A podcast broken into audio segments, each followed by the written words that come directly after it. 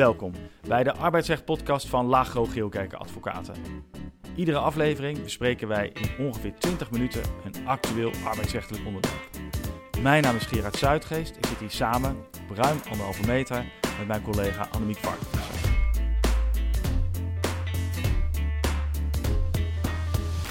Gerard, wat staat er vandaag op het programma? Annemiek, we gaan het vandaag hebben over oproepkrachten.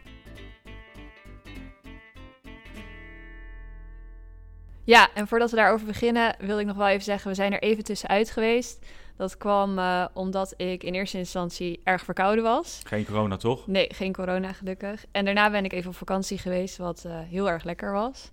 Maar daardoor duurde het wat langer dat we weer uh, een nieuwe podcast hadden hebben opgenomen. Maar vanaf nu zullen we weer netjes elke twee weken een uh, podcast ja. posten. Ja, nou we snappen natuurlijk wel de teleurstelling die ja, jullie heerst. Maar nu zijn we er gelukkig weer. Ja. Misschien dat we nog wel een zomerstop inlassen, maar dat laten we natuurlijk weten. En Annemiek, nu jij weer helemaal hersteld bent, gaan we lekker ons bezighouden met de oproepkrachten. Want daar is sinds 1 januari 2020 natuurlijk in het wettelijk kader het nodige gewijzigd. Mm -hmm. En we zien in de praktijk dat daar uh, met regelmaat problemen over ontstaan. Natuurlijk is het wel zo dat de pakkans ten aanzien van problemen, juridische problemen rond de oproepkracht relatief bescheiden is. Het gaat veelal om studenten, scholieren, mensen met een klein contractje. Mm. En uh, die zijn niet altijd bereid of in staat om een juridisch gevecht aan te gaan. Maar met regelmaat zien we in de praktijk toch wel problemen rond oproepkrachten. En dan kan het behoorlijk in de papieren lopen voor de Ja. werkgever. Dus we dachten er goed aan te doen hier aan aandacht te besteden. Ja. Ja, en het is ook gewoon moeilijker geworden om met oproepkrachten te werken, want dat was ook de bedoeling van Zeker, de wetgever. Zeker, Ja. zeker, zeker. Ik zag overigens dat er wel veel oproepkrachten en in zijn algemeenheid flexwerkers in Nederland zijn. Zo'n 1,7 miljoen werknemers hebben een flexibele arbeidsrelatie. Mhm. En daarvan zijn er 600 of 500.000 die echt als flexwerker worden beschouwd. Hè? Dus mensen met een nul-urencontract of met een min-max contract. En dat is een verhoudingsgewijs grote groep. Ja. En ook in Europa hoort Nederland bij de kopgroep flexibele arbeid. En daar Ja. wordt in Den Haag volgens mij ook nog hard over nagedacht om te kijken hoe men dat weer wat kan terugdringen. Want het is niet de bedoeling, geloof ik, vanuit Den Haag dat wij in die kopgroep eh, blijven. Nee. Yes, eh, overigens eh, zijn natuurlijk, is er veel gebeurd hè, met het aantal flexkrachten. In de coronacrisis is dat zeker in de horeca en evenementenbranche behoorlijk teruggelopen. Maar dat trekt nu weer heel fors aan. Dus er zullen waarschijnlijk ook in de toekomst eh, veel meer problemen of veel problemen rondom flexibele arbeid en eh, oproepcontracten blijven bestaan. Ja. ja, dus daarom dachten we ook, nou, dit is een actueel onderwerp. In deze podcast gaan we kijken eh, ten eerste waarom het van belang is om vast te stellen of je een oproepovereenkomst hebt. Vervolgens gaan we kijken naar wat de definitie is van de oproepovereenkomst in de wet. Ja. En als laatste kijken we naar de, zoomen we in op de verplichtingen die samenhangen met de oproepovereenkomst. Yes, laten we beginnen. Ja, voordat we kijken naar de definitie van de oproepovereenkomst, kijken we kort naar wat is nou het belang van het onderscheid tussen een oproepovereenkomst en een normale arbeidsovereenkomst. Ja, want de wetgever heeft vanaf 1 januari 2020 een definitie opgenomen van eh, wanneer is er nou sprake van een oproepovereenkomst in de zin van de wet. En heeft ook consequenties verbonden aan het antwoord op de vraag wanneer is er sprake van een oproepovereenkomst. Want als er sprake is van een oproepovereenkomst moet allereerst een hogere WW-premie worden betaald. Ook als een oproepovereenkomst voor onbepaalde tijd geldt. Ja. De werkgever is verplicht om op de loonstrook te vermelden of sprake is van een oproepovereenkomst in de zin van de wet. En als de werkgever dat nalaat, dan moet de werkgever, werkgever uh, niet alleen bij een controle door de Belastingdienst de onjuiste WW-premies nastorten, maar kan de Belastingdienst ook een boete opleggen. Mhm. Dus er is sowieso een financieel belang. Verder geldt dat je bij een oproepovereenkomst ten minste drie uur loon moet uitbetalen, ook al heeft de oproepkracht korter gewerkt. Ja. En er geldt de verplichting dat de werkgever de werknemer ten minste vier dagen van tevoren moet oproepen, tenzij de CAO daarvan afwijkt natuurlijk. En als de werkgever dat nalaat om tijdig op te roepen, moet er toch loon worden betaald aan die oproepkracht. Mhm. En als laatste belangrijke verschil is, als sprake is van een oproepovereenkomst, dan moet de werkgever na twaalf maanden de werknemer een aanbod doen voor een vaste arbeidsomvang. Is er geen oproepovereenkomst in de zin van de wet, gaan we zo op inzoomen, dan hoeft de werkgever dat aanbod niet te doen. Ja. Dus er zit nogal behoorlijk wat verschil tussen het, het oproepregime en arbeidsovereenkomsten die daar wel op lijken, Mhm. maar net geen oproepovereenkomst in de zin van de wet zijn. Ja, dus daarom is het wel van belang om te weten wanneer er sprake is van een oproepovereenkomst. Precies. Ja, Annemiek, eh, dus het is belangrijk om te checken of iets daadwerkelijk een eh, oproepovereenkomst in de zin van de wet is. Maar voordat we dat gaan doen, ehm, heb jij eigenlijk als oproepkracht wel eens gewerkt? Ja, ik heb ehm, vroeger bij de, in de zomer bij de camping gewerkt. De camping. Ja, ik weet niet of dat formeel een oproepkracht wa- eh, oproepovereenkomst was, want we werden gewoon voor de hele zomer ingeroosterd. We hadden ook verder geen contract. Maar dan, eh, ja, dan werkte ik gewoon drie maanden lang in de zomer op de camping, volgens dat rooster. Ja. ja. dat is natuurlijk wel praktijk, hè, dat er heel veel eh, vormen van arbeidsovereenkomsten zijn die, die zich misschien wat moeilijk met het wettelijk Ja. kader verhouden. ja. En eh, dat levert hier en daar nog wel eens wat issues op. ja. En jij? Ja, ik denk niet dat ik een formele oproepovereenkomst Nee. had, maar ik ben tuinderszoon. En mijn vader kwam mij s ochtends dan wekken. Oh ja, Eh, en dan werd ik letterlijk opgeroepen om de werkzaamheden te komen verrichten. ja. En dan maakte het ook niet zo heel veel uit hoe, hoe laat het dan de avond daarvoor was geworden. Oh ja, oh ik ja. werd gewoon opgeroepen. Ja. Dus het was wel een, een oproepovereenkomst, maar of dat in de zin van de wet... Ja, dat, is dan de vraag. Oké, ja, terug dan naar de, de, de meer droge, droge kost. Ja, Wanneer is sprake van een oproepovereenkomst? Ja, volgens de wet is er in drie gevallen sprake van een oproepovereenkomst. De eerste is in het geval van een arbeidsovereenkomst waarin de omvang van de arbeid niet is vastgelegd als een aantal uren per week of per maand. Zo kun je denken aan bijvoorbeeld een nul-urencontract of een min-max contract, eh, want daarin is geen vaste arbeidsomvang opgenomen. En in die arbeidsovereenkomsten is dan ook vastgelegd dat de werknemer bij een oproep in beginsel ook verplicht is om te komen werken. Ja. Dus in die gevallen is sprake van een oproepovereenkomst. Er is geen sprake van een oproepovereenkomst als wel een vaste arbeidsomvang per week of per maand is overeengekomen, maar niet de tijdstippen waarop de werknemer moet werken eh, zijn vastgelegd. Dus als je bijvoorbeeld eh, 40 uur per week hebt afgesproken, zonder daar afspraken te maken van wanneer, dan is Ja. er geen oproepovereenkomst in de zin van de wet. Precies. En je ziet in de praktijk nog wel nul uren overeenkomsten waarin is bepaald dat de werknemer niet verplicht is om te komen werken na een oproep van de werkgever. Zo'n overeenkomst wordt een voorovereenkomst genoemd. En de wetgever heeft expliciet vastgelegd dat een voorovereenkomst, dus zonder zo'n werkverplichting, geen arbeidsovereenkomst is in de zin van de wet. En dus kan zo'n overeenkomst ook geen oproepovereenkomst zijn. Want je kan pas komen tot een oproepovereenkomst als je hebt vastgesteld dat sprake is van een arbeidsovereenkomst. En in zo'n situatie ontstaat er dus pas een arbeidsovereenkomst tussen de werkgever en de werknemer.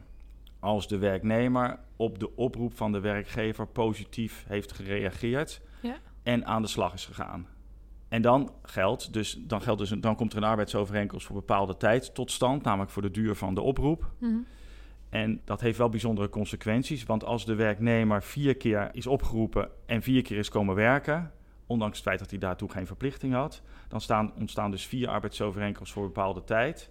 En als daarin eh, niet een tussenpoos is geweest van zes maanden, ontstaat automatisch van rechtswege een arbeidsovereenkomst voor onbepaalde tijd. Ja, en dat, dat kan dus ook al na vier dagen zijn. Dat kan dus na vier keer één dag al zijn. Ja, En dat wordt niet altijd als plezierig voor de werkgever beschouwd. Maar omdat er dus geen, geen verplichting is om arbeid te verrichten, als dat in een contractueel is vastgelegd, nou ja, dan is dat wel de arbeidsrechtelijke consequentie. En bij die overeenkomsten wordt overigens bij een geschil in rechten beoordeeld of de partijen zich tegenover elkaar toch niet hebben opgesteld Mhm. alsof sprake is van een arbeidsovereenkomst. Hè. In de rechtspraak zie je veel voorbeelden waarin de rechter zo'n overeenkomst met vrijheid, blijheid toch achteraf kwalificeert als een arbeidsovereenkomst. Bijvoorbeeld omdat vast komt te staan dat de werkgever consequenties verbond aan het weigeren van een oproep door een werknemer, terwijl in de arbeidsovereenkomst was vastgelegd dat die niet hoefde te komen. Mhm. Of als de werknemer in de praktijk eigenlijk nooit weigerde om te komen werken na zo'n oproep. En dan wordt die overeenkomst achteraf toch als een arbeidsovereenkomst gekwalificeerd. En gelet op de aard van de overigens in, de, in die overeenkomst gemaakte afspraken alsnog gekwalificeerd als een oproepovereenkomst in de zin van de wet. Ja. Dus je kan soms op papier geduldig vastleggen dat het allemaal vrijheid blijheid is, nul uren, geen verplichtingen. Maar als uit de praktijk volgt, ja, toch verplichtingen of toch consequenties, dan is het al heel snel een arbeidsovereenkomst en daarmee heel snel een oproepovereenkomst. En val je automatisch terug op alle verplichtingen die daaruit voortvloeien. Ja, en dan de tweede groep van oproepovereenkomsten is wanneer een arbeidsomvang van een periode ten hoogste van één jaar is afgesproken en het loon binnen die periode niet gelijkmatig is verdeeld. Dus bijvoorbeeld, je komt overeen dat de werknemer 500 uur per half jaar of per jaar werkt, maar er is wel een verschillend maandloon of weekloon. Ja, maar als je bijvoorbeeld een arbeidsomvang van 1000 uur per jaar afspreekt en elke maand de werknemer op verschillende tijdstippen ook een verschillend aantal uren werkt, maar de werknemer wel iedere maand hetzelfde salaris krijgt en dat ook schriftelijk is vastgelegd, hè, en Mhm. dan is er dus een meer of minder uren administratie, dan is weer geen sprake van een oproepovereenkomst. Ja, en de gedachte daarachter is dat de werknemer dan wel inkomenszekerheid heeft, omdat hij weet dat hij elke maand hetzelfde verdient. Ja, dus dan is er wel verhoudingsgewijs veel flexibiliteit in Ja. wanneer de werknemer wordt ingezet, maar het is toch geen oproepovereenkomst. Precies. Ja, dan de derde groep oproepovereenkomsten is de overeenkomst waarin gebruik is gemaakt van de loonuitsluiting. En dat houdt in dat in de eerste zes maanden van de arbeidsovereenkomst geen salaris wordt betaald als er niet daadwerkelijk wordt gewerkt. En op grond van de wet kan dat alleen in de eerste zes maanden van het eh, dienstverband. Maar op grond van de CAO kan dat ook nog worden uitgebreid. Ja, en dat betekent dat als er een arbeidsovereenkomst is gesloten met een vaste omvang, Mhm. 40 uur per week, waarbij iedere week eenzelfde salaris wordt betaald en de tijdstippen waarop de arbeid zijn vastgelegd, hè, met andere woorden, het is allemaal heel duidelijk, dan geldt zo'n overeenkomst toch als een oproepovereenkomst als gebruik is gemaakt van die loonuitsluitingsmogelijkheid. Ja. Klopt. En dat, dan geldt die definitie, eh, dit is, dit is toch een oproepovereenkomst voor die eerste periode van zes maanden. Klopt. Dus nou, in deze drie groepen die we net hebben besproken, is er dus sprake van een oproepovereenkomst. En dan val je dus onder het regime met de verplichtingen die we hiervoor hebben besproken. En op die verplichtingen gaan we in het volgende blokje nader inzoomen. Yes. Zoals gezegd zijn de verplichtingen rondom oproepkrachten een stuk strenger geworden sinds 1 januari 2020. En de belangrijkste daarvan is dat je als werkgever na 12 maanden een schriftelijk aanbod moet doen voor een vaste arbeidsomvang. Dus de oproepkracht die 12 maanden heeft gewerkt, dan moet, er worden gekeken hoeveel uur heeft de oproepkracht dan gemiddeld over die 12 maanden gewerkt. En dat is het aanbod dat de werkgever dan moet doen. En dat aanbod moet worden gedaan in de dertiende maand van dienstverband. Dus vanaf dat er precies 12 maanden is gewerkt. Ja. En dan vervolgens heeft de werknemer één maand om het aanbod te accepteren. Doet hij dat niet, dan blijven partijen gewoon op basis van die oproepovereenkomst samenwerken en kunnen ze de samenwerking gewoon voortzetten. Als de werknemer het aanbod wel accepteert, dan heeft hij dus een vaste arbeidsomvang op basis van dat gemiddelde. En dus ook recht op het salaris over het gemiddelde, ehm, de gemiddelde arbeidsomvang. Het aanvaarden van het aanbod is vormvrij door de werknemer. Dus dat kan hij mondeling doen of schriftelijk, schriftelijk doen. Maar het doen van het aanbod, dat moet wel schriftelijk of elektronisch worden gedaan door de werkgever. Ja. En bij de berekening van, het, van de, de gemiddelde omvang tellen alle verloonde uren mee. Mhm. En dat geldt dus ook voor doorbetaalde uren bij arbeidsongeschiktheid of bij vakantie of anderszins verlof. En als werkgever en werknemer een geschil krijgen over de omvang van het aanbod dat de werkgever had moeten doen. En meestal zie je dat soort geschillen pas tegen het einde van de, van de samenwerking. Dan kan worden teruggekeken en door de rechter worden bepaald of de werkgever bij ziekte het loon niet had moeten doorbetalen. Want veel, veelal doen werkgevers dat niet bij oproepkrachten, dat salaris niet doorbetaald. Maar dan kan, kunnen die uren dus bij het aanbod gevoegd worden.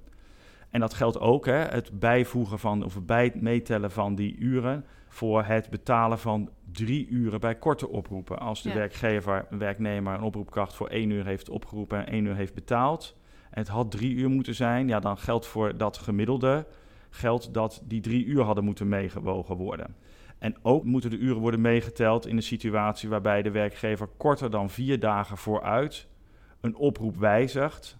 Want dan dient het loon over de oorspronkelijke oproep te worden betaald. En natuurlijk ook over de nieuwe omroep, oproep als de werknemer dan is komen werken. Hè? Mhm. Als een werkgever s ochtends aan de werknemer vraagt: joh, je zou eens vanmiddag komen werken, maar kan je vanavond? En dan moet de werkgever op grond van de wet eigenlijk de uren in de middag ook betalen, naast de uren in de avond. Ja. En die uren die tellen dan ook mee bij de bepaling van het gemiddelde. En in de praktijk gebeurt dit natuurlijk meestal niet. Maar als een werknemer dit allemaal goed kan documenteren, dan kan hij de werkgever aan het einde van de rit nog wel eens zeer onaangenaam eh, verrassen. Ja, dus dat is nog best wel een administratie. Ja, dat, ja, ja, natuurlijk, de werknemer moet wel aannemelijk maken Ja. dat hij de uren heeft gewerkt. Hè, maar als er appjes zijn van, joh, kan je vanmiddag in plaats van vanavond, Ja, ja, dan, dan, eh, en Dan die uren zijn dan niet eh, allebei uitbetaald, of allemaal uitbetaald, ja, dan, is dat, dan moeten die uren en alsnog worden uitgekeerd en tellen ze ook mee bij het gemiddelde. En ook nog goed om te vermelden is dat het doen van dat aanbod, dat verplichte aanbod, heeft geen invloed op de duur van de arbeidsovereenkomst. Dus het betekent niet dat de werkgever na een jaar ook verplicht is om de arbeidsovereenkomst te verlengen als hij toch niet zo tevreden is met die oproepkracht. Maar als hij besluit om de arbeidsovereenkomst te verlengen, dan moet hij dus wel dat aanbod doen voor de verplichte arbeidsomvang. En stel er is een, bijvoorbeeld een arbeidsovereenkomst voor anderhalf jaar gesloten met de oproepkracht, dan is de werkgever wel verplicht om na die twaalf maanden voor de, ja, het laatste half jaar van de, van de arbeidsovereenkomst dan nog een aanbod te doen voor de verplichte arbeidsomvang. Ja, en dan geldt dus als de werknemer accepteert die verplichte arbeidsomvang voor de laatste zes maanden van het contract, Ja, maar volgt daaruit geen verplichting van de werkgever om het contract eh, verder te verlengen. ja precies. Ja, en wat nou als de werkgever dat aanbod niet doet aan de werknemer? Dan heeft de werknemer recht op het salaris dat hij zou hebben ontvangen als hij wel die vaste arbeidsomvang had gekregen. Dus stel hij heeft in de eh, twaalf maanden voordat het aanbod had moeten worden gedaan, heeft hij 100 uur per maand gewerkt gemiddeld. Mhm. En in de periode daarna wordt hij minder opgeroepen, dus maar 50 uur per maand. Dan heeft hij dus recht op die 50 uur die hij niet heeft ontvangen, omdat hij geen vaste arbeidsomvang heeft gekregen. Ja, dus ook al is, heeft, is er niet gewerkt, moet Ja. er toch eh, salaris worden betaald. Precies. Ja, dat is een flink risico voor de werkgever, dus om geen aanbod te doen. Ja. En daarbij is van belang dat, eh, zolang er sprake is van een oproepovereenkomst, de werkgever elke twaalf maanden Ja, dat aanbod moet doen. Dus Ja. als de werknemer het aanbod de eerste keer niet heeft aanvaard, of niet tijdig heeft aanvaard, ja, dan kan die, die het jaar daarop wel met zo'n aanbod akkoord gaan. Ja, en iedere klopt. keer, zolang er sprake is van een oproepovereenkomst, blijft die eh, termijn van 12 maanden gelden. En als de werknemer het aanbod van de werkgever voor die vaste arbeidsomvang heeft aanvaard, dan, heeft de arbeids dan ja, is er dus een vaste arbeidsomvang en is er dus ook geen sprake meer van een oproepovereenkomst in de zin van de wet. Ook al staan de werktijden niet vast. Ja. Dus er kan nog steeds flexibel worden gewerkt, ondanks die vaste arbeidsomvang. En de werkgever kan de werknemer dan gewoon inroosteren. Natuurlijk moet er dan wel gewoon overleg plaatsvinden met de werknemer over de beschik- beschikbaarheid van de werknemer. Of moet gewoon het, ja, het goed werkgeverschap in acht worden genomen. Maar ja, de werkgever kan dus wel gewoon eh, flexibel blijven werken, ondanks Ja. de vaste arbeidsomvang. Ja, zolang de werkgever dan een redelijke opdracht geeft aan de werknemer, joh, ik wil dat je dan en dan komt Ja. werken, dan heeft de werknemer dat eh, te accepteren en dan moet hij de werkzaamheden komen, komen verrichten. Precies. Ja, en de werknemer kan niet bij het aanvaarden van het aanbod van de werkgever afdwingen dat dan ook de werktijden moeten worden vastgelegd. Nee, dan heeft dat te gelden denk ik als een afwijzing van de Ja, vaste dat denk ik ook. eh, arbeidsomvang. En dan Ja. blijven partijen dus in die flexibele setting eh, samenwerken. Precies. Ja, dat is denk ik de belangrijkste eh, verplichting voor eh, een werkgever bij oproepkrachten. Hè. De 12 maandstermijn. Er zijn nog andere die we net hebben benoemd. Hè. Het doorbetalen van eh, loon bij korte oproepen korter dan drie uur. En de oproeptermijn van vier dagen. Die kan overigens worden bekort door, door de CAO. En dan wil ik nog even kort het all-in loon bespreken. Want je ziet bij veel oproepkrachten dat de werkgever beoogt om aan de werknemer een all-in loon te betalen, waar het vakantiegeld, maar ook de vakantiedagen in zijn begrepen. Mhm. En daar met de nodige regelmaat ontstaan daar problemen over, omdat dat dan door de werkgever onvoldoende is vastgelegd. Dus als, er, als je beoogt om een all-in loon af te spreken met de oproepkracht, leg dat ook expliciet in de arbeidsovereenkomst vast, dat in het salaris begrepen is de vergoeding voor het vakantiegeld en ook de vakantieuren. Ja. En natuurlijk moet het loon dat dan aan de werknemer worden, wordt betaald, dan wel toereikend zijn, hè, boven het minimumloon zijn of boven het CAO-niveau zijn, dat voor betreffende functie geldt, want anders kan het natuurlijk niet. Beter is om op de loonstrook het vakantiegeld separaat zichtbaar te betalen en ook de vergoeding voor de vakantiedagen zichtbaar betalen. Mhm. Strikt genomen is het uitbetalen van vakantiedagen, in ieder geval de wettelijke vakantiedagen tijdens de arbeidsovereenkomst niet toegestaan. Maar je ziet in de praktijk dat er maar weinig werknemers zijn die als ze vakantiedagen zijn betaald, toch nog ter zake een vordering indienen. En zeker als er sprake is van kleine contracten, dan Ja. eh, komt de werkgever daar eigenlijk gewoon bijna altijd eh, mee weg. En is er in de jurisprudentie ook wel ruimte voor eh, gecreëerd. Ja.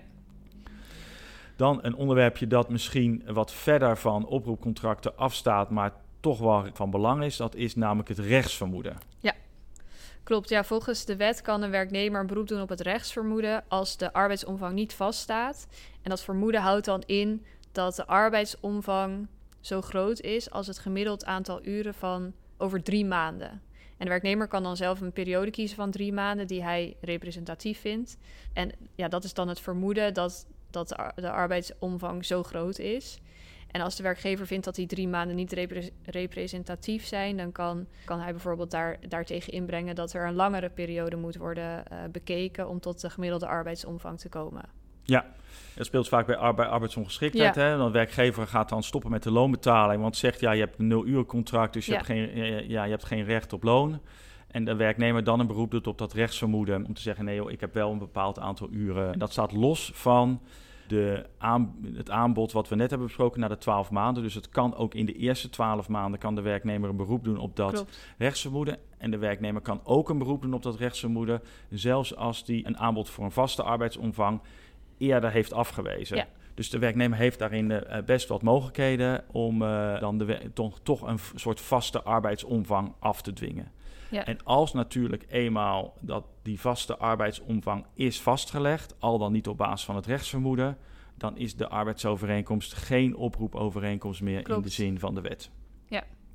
Ja, en een vraag die ook dan eh, speelt is in hoeverre, in hoe het zit als de ziekte valt in de eerste zes maanden van het dienstverband, wanneer er dan een loonuitsluiting is afgesproken. Ja. Eh, want nou, op grond van de loonuitsluiting heeft de werknemer geen recht op salaris als er niet wordt gewerkt. Ja, in de eerste Ehm, zes, zes maanden. In de ja. eerste zes maanden Ja. inderdaad.